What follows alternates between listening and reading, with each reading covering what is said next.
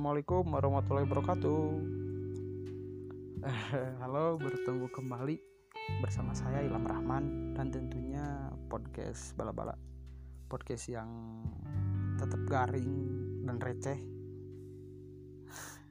Karena apa? Karena kan bala-bala harus garing. Kalau nggak garing nggak enak kan? Masa bala-bala pakai kuah.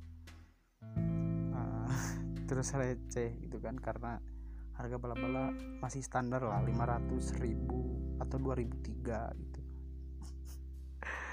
Apa sih ilham? Ya setelah hampir dua minggu kurang lebih dua mingguan lah kami nggak membuat konten apa pun. Uh, di sini saya setelah dua minggu itu juga saya baru beres membaca buku novel karangan salah seorang sastrawan idola saya, panutan saya juga. Emma Ainun Najib atau Cak Nun. Beliau membuat novel berjudul Gerakan Punakawan atau Arus Bawah.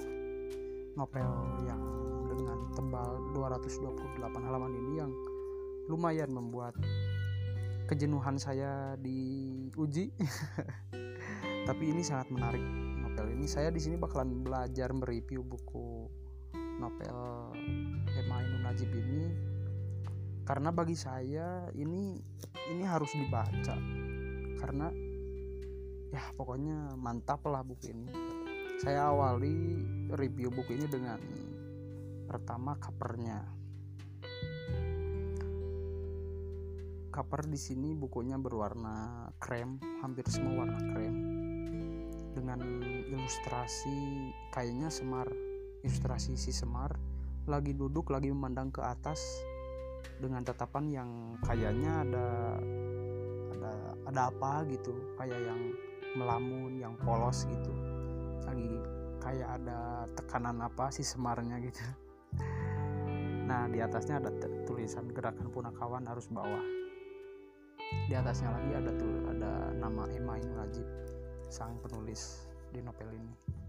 Di belakangnya nggak nggak berbeda sama sampul depan belakangnya juga sama. Gambar semar lagi duduk. Ini kayaknya dilukis nih ilustrasinya bagus pokoknya menarik. Nah setelah kita buka halaman pertama saya kaget nih. Nah ini juga jadi salah satu alasan saya kenapa saya ingin belajar mereview kembali buku tentunya buku novel ini. Karena apa? Karena ini buku buku nggak sia-sia saya dapatkan saya dapatkan nggak sia-sia saya saya kayaknya udah jodoh nih pas waktu itu beli buku. Nah tiba-tiba ada buku ini.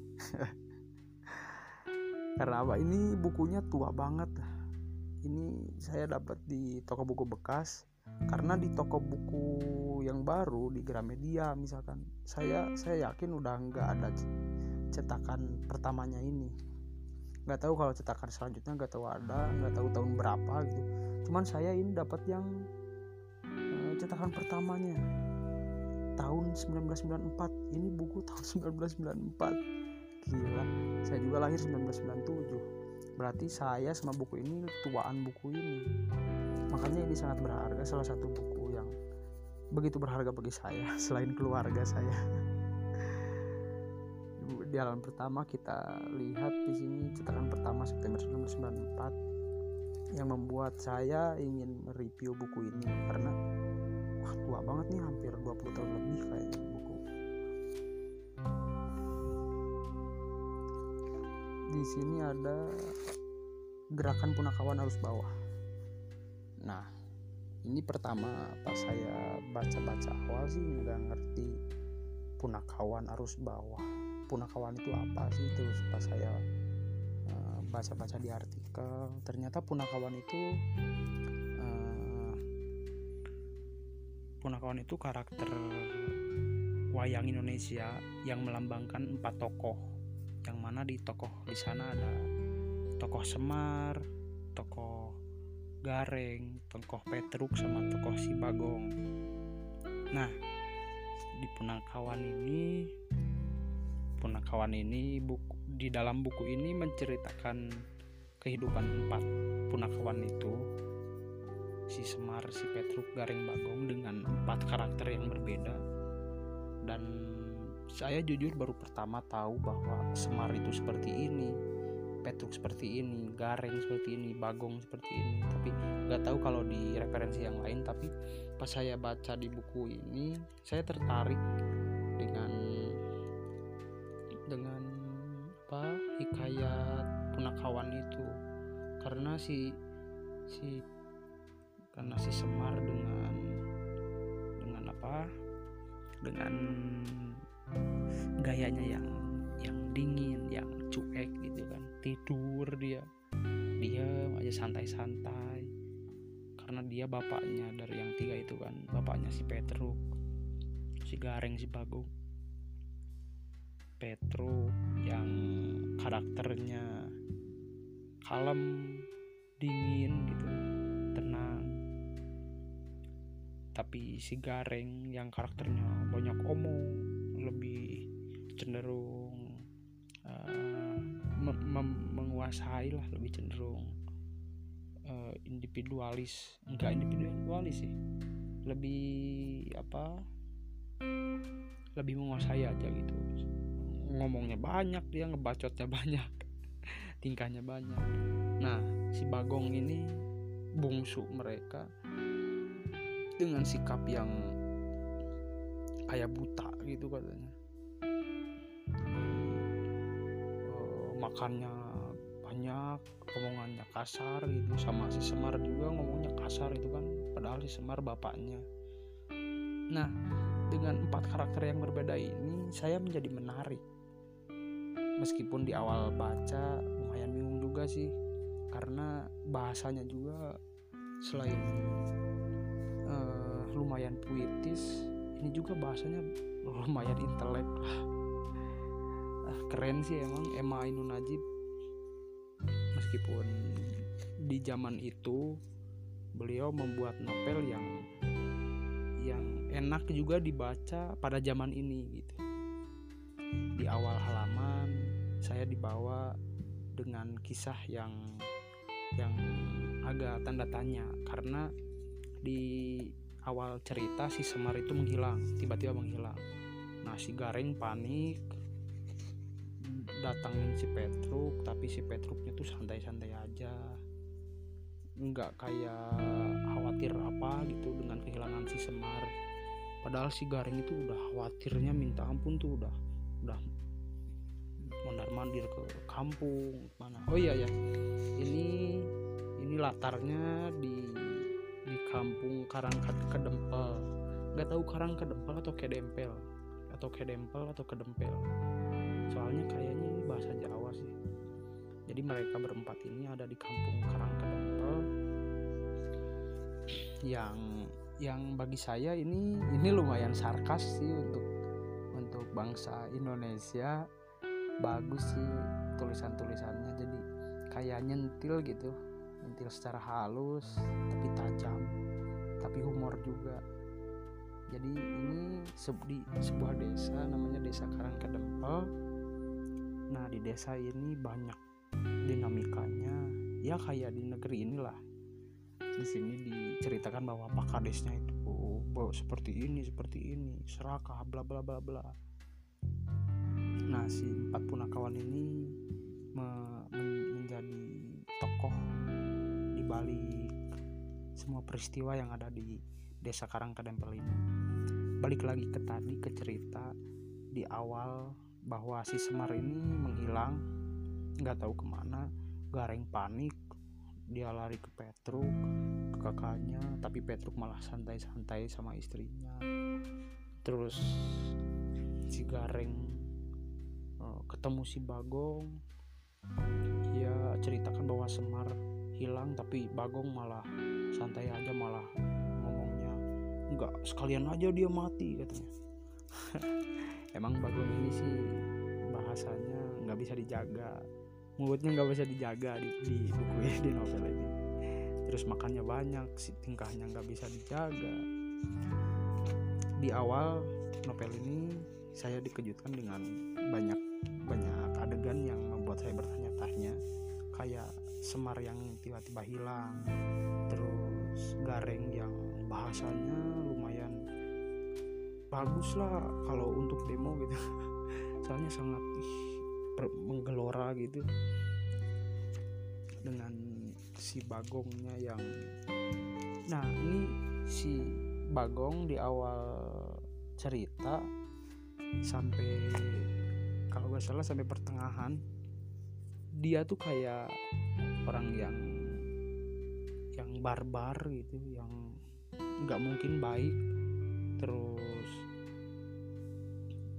yang uh, bau kasar serakah. Tapi di akhir-akhir atau di pertengahan cerita di bu, di awal buku ini eh di, di akhir cerita dia menjadi sosok yang sangat bijak gitu dengan ucapannya yang membuat Garing dan Petruk yang tadinya uh, kesel marah sama dia tapi membuat mereka menjadi terpesona terpana mendengar ucapan si Bagong ini. Nah di pertengahan novel ya biasalah. Nah, kalau novel-novel itu kan di awal suka lumayan menarik di pertengahan agak membosankan tapi banyak humor juga sih. Terus ada ada satu kutipan yang saya tulis di pertengahan novelnya ini sarkasnya sangat ngena ngena sekali dan khas Chan sekali.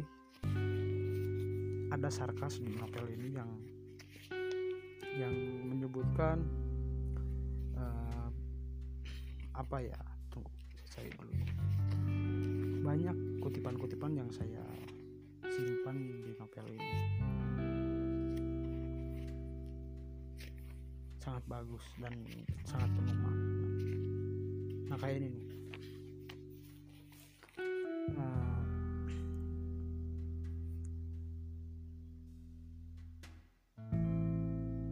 si Gareng dengan dengan ucapannya yang yang begitu menggebu-gebu ngomong ke istrinya bahwa katanya persis seperti air semua air itu murni dan bersih. Tak ada air kotor.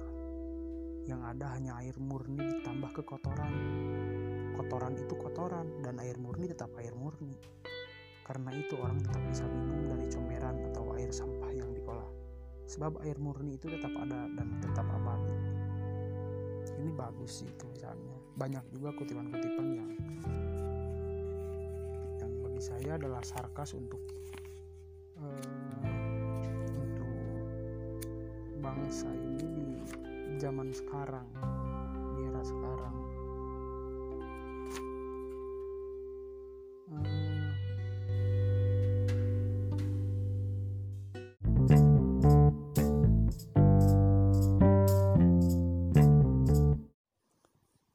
Nah, di pertengahan pertengahan novel ini juga banyak kutipan-kutipan yang menurut saya dan untuk saya ini sangat sangat menjadi oase bagi pikiran saya sih salah satunya. Karena bisa mencerahkan bisa me, mewaraskan uh, pikiran-pikiran saya ataupun siapa pun yang membaca ini. Karena ini salah satu salah satu tulisan yang saya kutip di pertengahan novel ini di halaman halaman 53 di sini sedang ada interaksi antara antara Semar dan Petruk. Nah, Petruk ini ngomong bahwa katanya di Karang Kedempel ini kalau kamu berpikir dianggap subversif. Kalau kamu belajar memahami persoalan diawasi intel. Kalau kamu membicarakan kebaikan dianggap pemberontak. Padahal telinga kamu sudah hampir tuli setiap saat mendengarkan ratusan berita-berita yang mencerminkan bahwa dunia ini makin pincang. Kepala kami pusing oleh kemunafikan yang dibikin megah dan tampak luhur oleh kepandaian yang busuk. oleh kepintaran yang bodoh, oleh kemajuan yang makin bergantung pada ketergantungan, oleh tanam paksa kontemporer, oleh hijrah paksa ratusan atau ribuan keluarga demi bendungan atau peristiwa atau pariwisata atau pabrik-pabrik atau listrik dan golongan menengah masyarakat. Jadi yang saya tangkap di sini bahwa di Karang Kedempel ini yang mana sarkasnya bagi negeri kita Petruk membicarakan bahwa tidak ada kebebasan yang bisa mereka bebas liarkan tidak ada opini yang bisa mereka bebas opinikan tidak ada pendapat yang mereka bebas pendapatkan untuk desa mereka sendiri. Yang mana desa mereka sendiri juga malah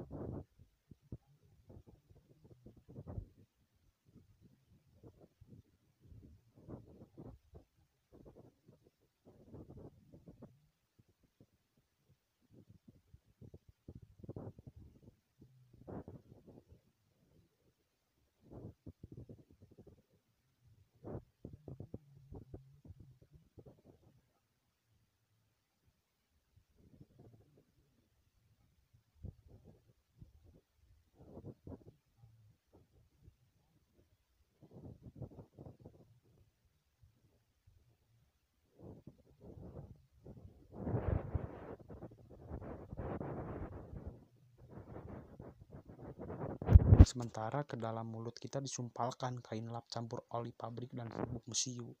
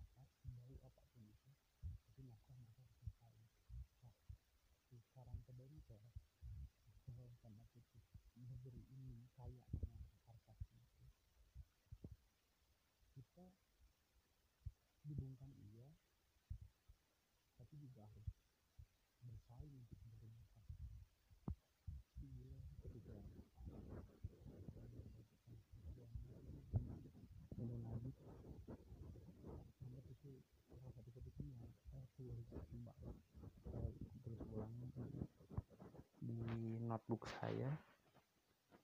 Ya di buku catatan. Karena itu uh, bagus banget.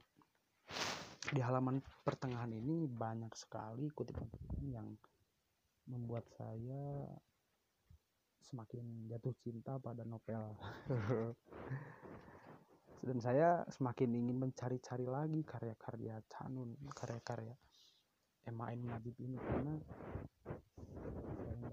ini saya menjadi semakin penasaran dengan karya-karya beliau. Karena uh, di saya baca biografinya beliau ternyata sudah banyak membuat buku dan puisi juga. Nah di pertengahan novel ini juga klimaksnya si Semar itu udah uh, udah udah dapat udah ketemu. Dan ternyata Semar itu nggak hilang.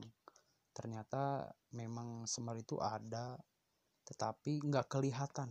Jadi gimana ya? Kayak pokoknya ya walah susah sih kalau dijelasin. Ini ajaib banget sih Semar kan tokoh legenda legenda lah. Di Semar ini sangat sakral di Jawa kan.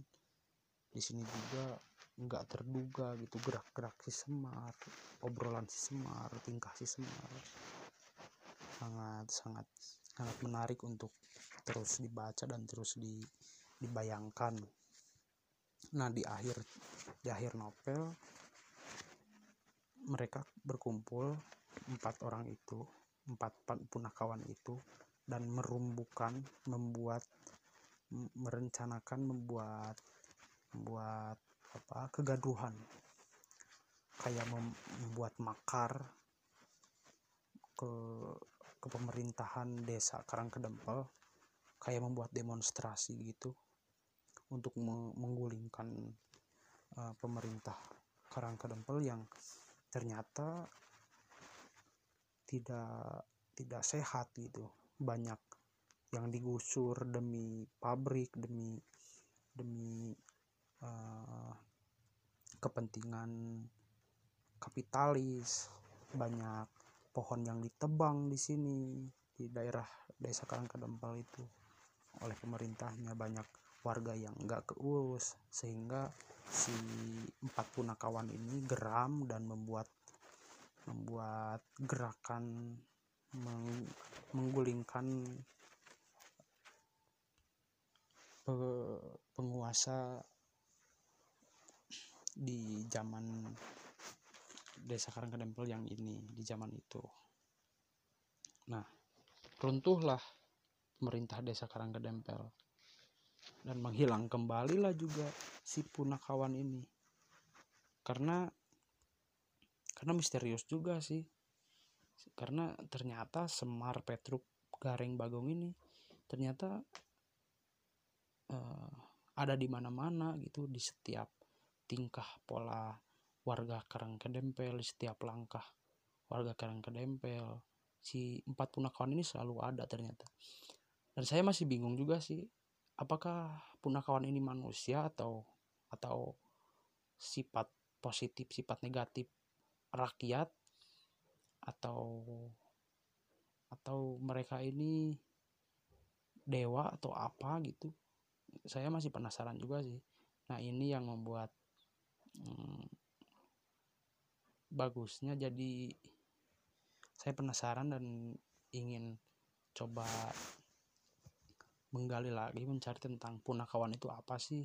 Terus si Semar Petruk Garing Bagong ini apa sih perannya di di di di posisi manakah keempat punakawan ini berada? Apakah mereka ada di pikiran setiap rakyat atau mereka ada di hati setiap rakyat atau mereka ada di gerak langkah setiap rakyat nggak tahu juga sih cuman yang saya tahu di buku ini mereka itu yang yang menjadi rakyat. Mereka yang menjadi rakyat mereka yang yang yang mengatur pemerintahan tapi ah pokoknya uh gila sih ini keren banget bukunya. Yang endingnya gitu. Jadi desa Karangkedempel ini ternyata banyak masalah banyak problem banyak problem banyak masalah banyak hal yang tidak tidak tidak realistis karena rusaknya pemerintahan mereka sehingga si punakawan ini uh, bersama warga sepakat membuat makar menggulingkan rezim uh, pemerintahan di desa Karangkedempel ini kayaknya kenapa gerakan punakawan arus bawah? Karena ini emang akhirnya itu gerakan punakawan si gerakan si punakawan ini. Arus bawah ini saya pikir e, melambangkan rakyat arus bawah gitu kayak bawah tanah gitu kan underground gerakan punakawan dan arus bawah kayaknya gitu. Jadi ya pokoknya ini e, si punakawan ini sebagai makhluk cerdas dan jamani. Jamani juga itu bahasa Jawa guys. Kelompok punakawan ini selalu mampu menyerap aspirasi rakyat ketika rakyat bawah dikerjain sama rakyat atas. Para punakawan melakukan gerakan advokasi atau pembelaan. Mereka menyatu dengan rakyat bawah dalam novel esai yang berbau keposmo-posmoan ini Emma Ainun Najib dengan cermat melukiskan bagaimana gerakan punakawan itu mampu menggugat apa-apa yang seharusnya digugat, termasuk dirinya sendiri dan struktur atas di masyarakat. Dan sebagai punakawan, cara mereka menggugat juga menggunakan cara punakawan lewat humor yang tajam dan menggigit kesadaran kita. Ih, mantap nih, keren banget. Sarkasmenya juga sangat cocok. Sangat cocok untuk pemerintah. Eh, di akhir di akhir di akhir novel ini di halaman 100 eh 228 ada biodata penulis. Yang mana tadi saya sudah ceritakan bahwa Emma Ainun Najib ini seorang sastrawan dan budayawan yang lahir tanggal 27 Mei 1953 di Jombang. Banyak karya puisinya yang telah ia uh, keluarkan puisi dan esainya. Bisa kalian ceklah di di Google karya-karya beliau karena di biodata penulis ini banyak sekali dituliskan karya beliau. Dari mulai tahun 1975 sampai 1994 banyak sekali Nah, eh, sahabat post podcast bala-bala untuk review bukunya eh, cukup sampai sana. Sebenarnya banyak sih yang perlu dibahas, tetapi dikarenakan saya masih belajar mereview buku Nah ini sih hanya untuk mudah-mudahan dengan review buku ini kalian bisa tertarik dan mencari buku arus bawah gerakan punakawan karya Emma Ainun Najib ini. Dan kalian baca sendiri kalian interpretasikan sendiri karena setiap orang berbeda. Dan juga ini buku yang bagi saya sangat rekomendasi sekali buat kalian. Tentunya saya banyak kekurangannya dengan mereview buku ini tadi. Tetapi mudah-mudahan ada manfaatnya setidaknya membuat kalian ingin membaca buku ini dan merangsang minat baca kalian. Uh, saya nggak nyesel sih baca buku ini. Keren sih buku Canun ini. Buku lawas 1994 dan saya bakalan terus mencari karya-karya beliau karena saya jadi sangat tergila-gila sama Emma Ainun Najib ini. Mantap sih Sekian terakhir tetap jaga kesehatan, jaga kewarasan, jaga jarak karena kita lagi berada di tengah pandemi COVID-19 ini. Jaga jarak apalagi sama mantan. Terakhir sekali tetap berbagi, berkarya, bersenang-senang. Saya Ilham Rahman. Assalamualaikum warahmatullahi wabarakatuh. Yuhu.